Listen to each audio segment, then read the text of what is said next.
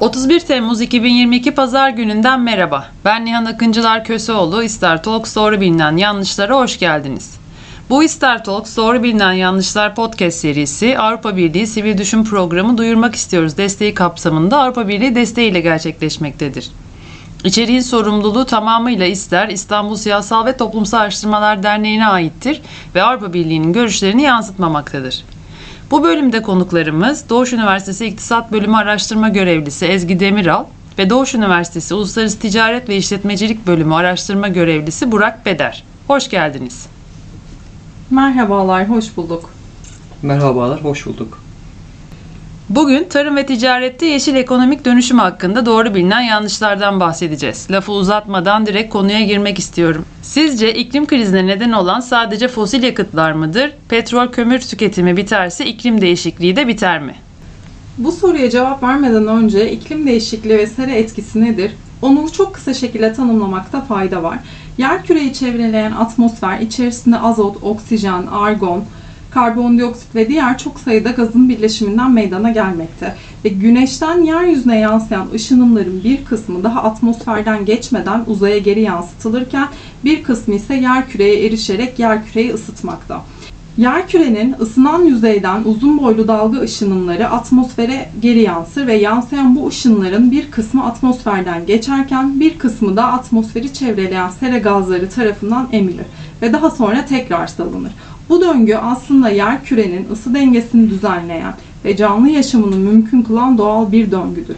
Ancak herhangi bir nedenden dolayı sera gazında yaşanacak bir değişim söz konusu bu doğal döngünün değişmesine neden olarak iklim sisteminin de değişmesine sebep olmaktadır.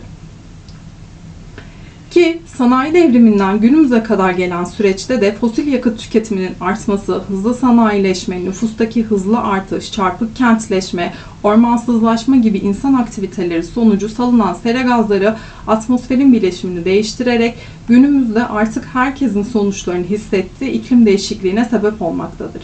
Yaşanan bu iklim değişikliği geçmişte daha çok küresel ısınma olarak adlandırılsa da günümüzde artık iklim değişikliği ve hatta iklim krizi kavramları da yaygın olarak kullanılmakta. Ekonomik büyümenin çevre üzerinde yarattığı baskının ise 1972 yılında Roma Kulübü'nün hazırlamış olduğu Büyümenin Sınırları isimli raporla birlikte görünür ve tartışılır hale geldiğini söylemek yanlış olmayacaktır. Sanayi devrimiyle birlikte ve özellikle 2. Dünya Savaşı sonrası artan fosil yakıt kullanımı atmosferdeki karbondioksit miktarının artmasına neden olmaktadır. 1750 yılında atmosferdeki karbondioksit seviyesi yaklaşık 228 ppm iken bugün bu seviye 420 ppm dolaylarındadır. Buzul çağlarda bu miktarın 185 ppm seviyelerinde olduğu dikkate alındığında sanayi devriminden bu yana yaşanan artışın ne kadar yüksek olduğu ortaya çıkmakta. Sera gazı salınımının birinci nedeni fosil yakıtlar olduğu için bu iddia tümüyle yanlışlanabilir değil. Ancak verilere baktığımızda görüyoruz ki tarımın payı da sera gazı salınımının nedenleri arasında ikinci sırada yer almakta. Tarım dediğimizde biz hayvancılığı da dahil ediyoruz ve hayvanların sindiriminin bir parçası olarak ortaya çıkan ve enterik fermentasyon olarak adlandırılan süreç, tarımsal üretim sürecinde kullanılan gübreler, üretim sürecinin sonunda ortaya çıkan atıkların yakılması gibi faaliyetler sera gazı emisyonunu arttırıcı faaliyetler. Tarımsal üretim sürecinde iklim değişikliği ile ilgili şöyle bir kısır döngü var aslında. İklim değişikliğinin yol açtığı sıcaklık artışı, yağış rejimi değişiklikleri, kuraklık, sıcak hava dalgaları, taşkınlar ve orman yangınları tarımsal verimlilik üzerinde doğrudan azaltıcı etkiye sahip. Bu durumda üretici mineral gübre ya da pestisit gibi kimyasalları kullanarak verimliliğini arttırmak istiyor. Ancak kullanılan bu ürünler de yine sera gazı salınımına neden oluyor. Dolayısıyla bu döngünün bir yerde kırılması gerekli. İklim değişikliğinin ve sonuçlarının önüne geçilebilmesi kısa vadede imkansız olduğu için bu döngü tarımsal üretim sürecinde yapılacak bir dönüşümle kırılmalı. Bu noktada iyi tarım uygulamaları öne çıkmakta. İyi tarım uygulamaları çevreye, doğadaki canlıların sağlığına zarar vermeyen ve doğal kaynakların korunduğu bir tarımsal üretimin yapılmasını, tarımda sürdürülebilirlik ile güvenilir ürün arzının sağlanmasını amaçlamakta. Burada organik tarım, hassas tarım, dijital tarım, e-tarım, akıllı tarım gibi çok çeşitli tarım uygulamaları söz konusu. Türkiye'nin iklim değişikliğine bağlı su stresi yaşayacak ülkelerden biri olduğu da göz önüne alındığında hem iklim değişikliği ile mücadele hem de iklim değişikliğinin sonuçlarından en az şekilde etkilenmek için tarım sektöründe bir dönüşümün yaşanması önemli hale geliyor.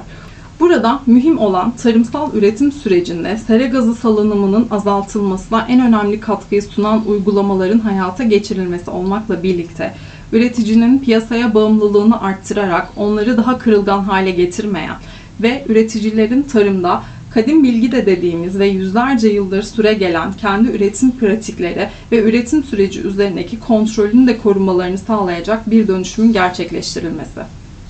Çok teşekkürler. Peki ülkeler dış ticarete yönelik herhangi bir düzenleme getirmeden serbest dış ticaret politikaları ile yeşil ekonomik dönüşümü gerçekleştirebilir mi? İklim değişikliğiyle mücadelenin ve yeşil ekonomik dönüşümün ülkelerin tek taraflı mücadelesiyle başarıya ulaşması oldukça güçtür. Küreselleşme süreciyle birlikte ülkeler sosyal ve ekonomik açıdan birbirine bağımlı hale gelmişlerdir. Öyle ki üretim ve ticaret süreci bir ürünün farklı parçalarının farklı ülkelerde üretildiği ve bir başka ülkede bu parçaların birleştirilerek nihai ürün haline getirildiği ve ürünün dış ticaretinin gerçekleştirildiği bir sürece evrilmiştir. Üretim ve ticaret sistemindeki bu girift yapı, ülkelerin tek taraflı olarak yeşil ekonomik dönüşümü gerçekleştirmelerinin önünde bir set oluşturmaktadır. Zira ülkelerin tedarik zincirinin bütün kanallarına hakim olduğu mal ve hizmet sayısı oldukça azdır. Yeşil ekonomik dönüşüm gerçekleştirme amacında olan bir ülke, tedarik zincirinde bulunduğu noktada ürünün bir parçasını karbonsuz şekilde üretme yetkinliğini elde edebilirken, tedarik zincirinin diğer halkalarında yer alan ülkelerin üretimlerine karbon yoğun süreçlere devam etmesi, yeşil ekonomik dönüşümün başarıya ulaşmasının önünde büyük engeller oluşturmaktadır. Bu kapsamda ülkelerin yeşil ekonomik dönüşümü gerçekleştirme başarısı, tedarik zincirindeki tüm ülkelerin yeşil ekonomik dönüşümü gerçekleştirmesine bağlıdır. Bu dönüşüm için çaba sarf etmeyen ülkeleri bu dönüşüme teşvik eden araçlar ise ürün kalite standartları ve sınırda karbon düzenlemesi gibi dış ticaret politikası araçlarıdır. Yeşil ekonomik dönüşümün ticaret politikası araçları olmaksızın tek taraflı mücadeleyle tam anlamıyla başarıya ulaşamayacağını ortaya koyan en önemli göstergelerden biri Avrupa Birliği'nin son dönemde uygulamaya aldığı politika araçlarıdır. Avrupa Komisyonu 11 Aralık 2019 tarihinde Paris Anlaşması'nın iklim değişikliğine yönelik sıcaklık hedeflerine uyumlu şekilde oluşturduğu Avrupa Yeşil Mütabakatı'nı yayınlamıştır. Bu arada Paris Anlaşması'nın sıcaklık hedefi 100 yılın sonuna kadar küresel sıcaklık artışını sanayi öncesi döneme göre 2 derece ile sınırlandırmak, mümkünse 1,5 derecenin altında tutmaktır. Avrupa Komisyonu da bu amaca uyumlu şekilde Avrupa Yeşil Mütabakatı kapsamında 2050 yılına kadar karbon nötr bir kıta olmayı amaçlamaktadır. Bu amaç kapsamında ara hedef olarak 2030 yılına kadar sera gaz emisyonlarının %55 oranında azaltılması hedefi ortaya konmuştur. Ancak Avrupa Birliği yeşil ekonomik dönüşümün gerçekleştirilmesini ve küresel sera gazı emisyonların azaltılmasını tek taraflı mücadeleyle başaramayacağının farkında olarak bu dönüşümün ticaret ortaklarıyla gerçekleştirilmesi gerektiğini vurgulamaktadır. Bu durumun en temel gerekçesi olarak da karbon kaçağı riskini göstermektedir. Karbon kaçağı, ülkeler arasında çevresel politikaların farklılaşması sebebiyle karbon maliyetlerine katlanan ülkelerde faaliyet gösteren firmaların bu maliyetlere katlanmayacakları ülkelere faaliyetlerini taşıyarak sera gazı emisyonlarına devam etmesi olarak nitelendirilmektedir. Avrupa Birliği için karbon kaçağı çift taraflı risk oluşturmaktadır. Bunlardan ilki birlik içerisinde faaliyet gösteren firmalar emisyon tarife sistemi kapsamında sera gazı emisyon maliyetlerine katlanırken emisyon tarife sisteminin olmadığı ülkelerde faaliyet gösteren firmalar bu maliyetlere katlanmamaktadır. Bu durum Avrupa Birliği'nde faaliyet gösteren firmaları rekabette dezavantajlı konuma getirmektedir. Rekabette dezavantajlı konuma gelen firmalar ise faaliyetlerini bu maliyetlere katlanmayacakları ülkelere taşıma eğilimindedirler ki bu durum Avrupa Birliği için üretim, istihdam, dış ticaret kaybı anlamına gelmektedir. Karbon kaçağının ikinci risk alanı ise iklim değişikliğiyle mücadele ve yeşil ekonomik dönüşme büyük sekte uğratmasıdır. Zira karbon maliyetlerine katlanmak istemeyen ve faaliyetlerini bu maliyetlere katlanmayacakları ülkelere kaydıran firmalar, bu ülkelerde karbon yoğun şekilde ürettiği ürünleri ithalat kanalıyla birliğe taşımaya devam etmektedir. Bu durum Avrupa Birliği için ithalat kanalıyla sera gazı emisyonlarının devam etmesi anlamına gelmektedir. Nitekim Avrupa Birliği'nde toplam sera gazı emisyonlarının yaklaşık %20'si ithal edilen mal ve hizmetlerin karbon içeriğinden kaynaklanmaktadır. Karbon kaçağının tüm risklerini ortadan kaldırmak adına Avrupa Birliği 2026 yılında sınırda karbon düzenleme mekanizmasını uygulamaya almayı planlamaktadır.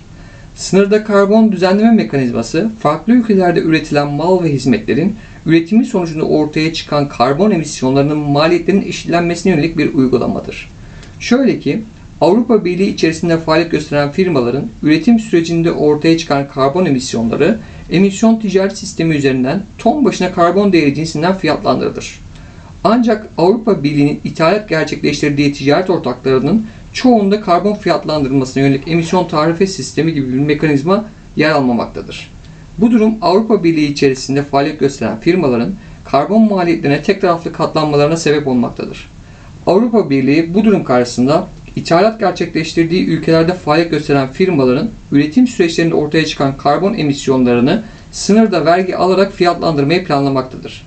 Fiyatlandırma yapılırken de Avrupa Emisyon Tarife Sistemi'nde ton başına karbon fiyatının haftalık ortalama fiyatının referans alınması planlanmaktadır.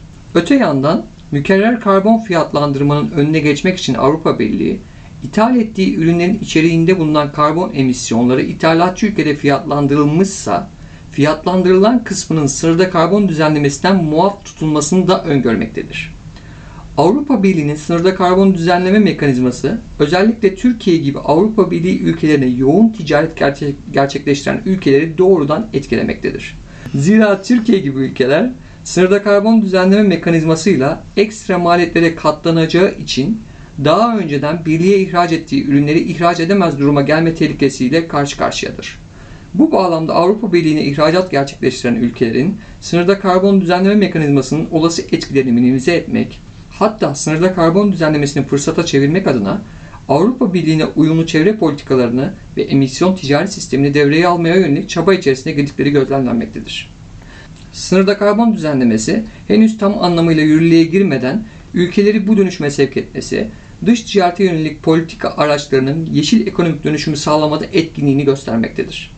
Tamamıyla serbest dış ticaret koşullarında firmalar kar maksimizasyonu amacıyla çevresel maliyetlere katlanmaktan kaçınmakta, hatta daha fazla çevresel girdi kullanarak çevresel maliyetlere katlanan firmalara karşı rekabet avantajı elde etme girişiminde bulunabilmektedirler.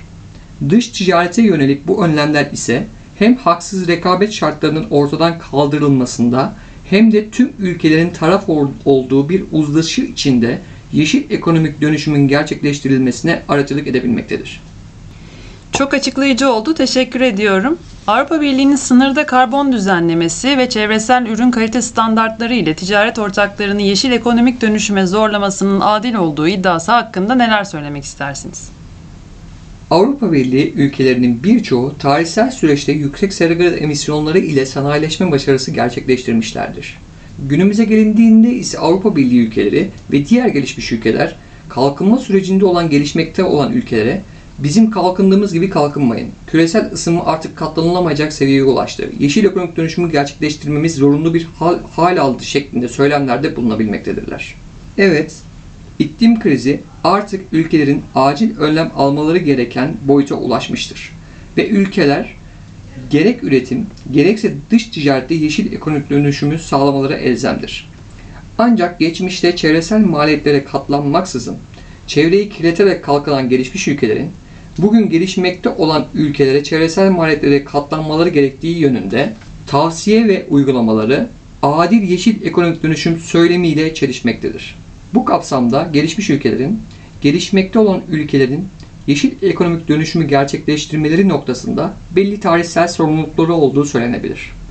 Yeşil ekonomik dönüşümün adil bir şekilde gerçekleştirilmesi adına uygulamaya alınabilecek politika önerileri şu şekilde sıralanabilmektedir. Gelişmekte olan ülkelerin yeşil ekonomik dönüşüm sürecinde gelişmiş ülkeler tarafından finansal olarak desteklenmesi gerekmektedir. Uluslararası anlaşmalarda da vurgulandığı gibi ortak ama farklılaştırılmış hedefler kapsamında gelişmiş ülkeler gelişmekte olan ülkelere görece daha yüksek sera gazı emisyon azaltımı taahhütünde bulunmaları gerekmektedir.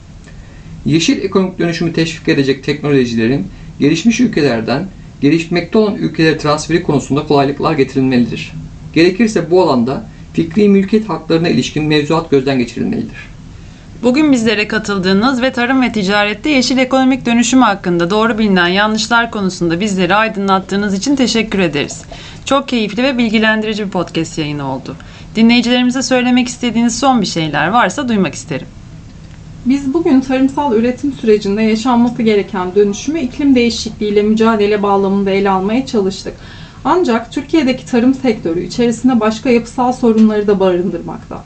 Tarım arazilerinin küçük parselli olması ve dağınık yerleşim düzeni, sulanabilir arazilerin kısıtlı olması, yaşlanan tarım nüfusu, kırdan kente göç, üreticilerin eğitim seviyelerinin düşük olması ve tarımsal bilginin üreticiye aktarılmasında yaşanan sorunlar ya da tedarik zincirinin uzun oluşu ve çok fazla aracının yer alması sorunu bunlardan bazıları. Dolayısıyla tarım sektöründe yaşanması gereken dönüşüm yalnızca üretim pratiklerinin değişmesiyle değil, daha bütünsel olarak ele alınması gereken bir dönüşüm. Bununla birlikte mevsiminde meyve sebze tüketmek, binlerce kilometre öteden ithal edilmiş ürünler yerine yerli ürünlerin tüketimine ağırlık vermek gibi sorumlu tüketim davranışlarını alışkanlık haline getirebilirsek biz de tüketici olarak üzerimize düşen sorumlulukları yerine getirmiş oluruz diye düşünüyorum. Teşekkür ederim. Tekrar katıldığınız için teşekkür ediyorum. Dinleyicilerimize minik bir hatırlatma yapmak istiyorum ve açıklama kısmında yer alan anketimize katılmanızı rica ediyorum. Bir sonraki podcast'imiz 7 Ağustos 2022 tarihinde Ezgi Demiral ile iklim değişikliği ve sağlık ilişkisi konusu üzerine gerçekleşecektir. Hoşçakalın, doğrularla kalın.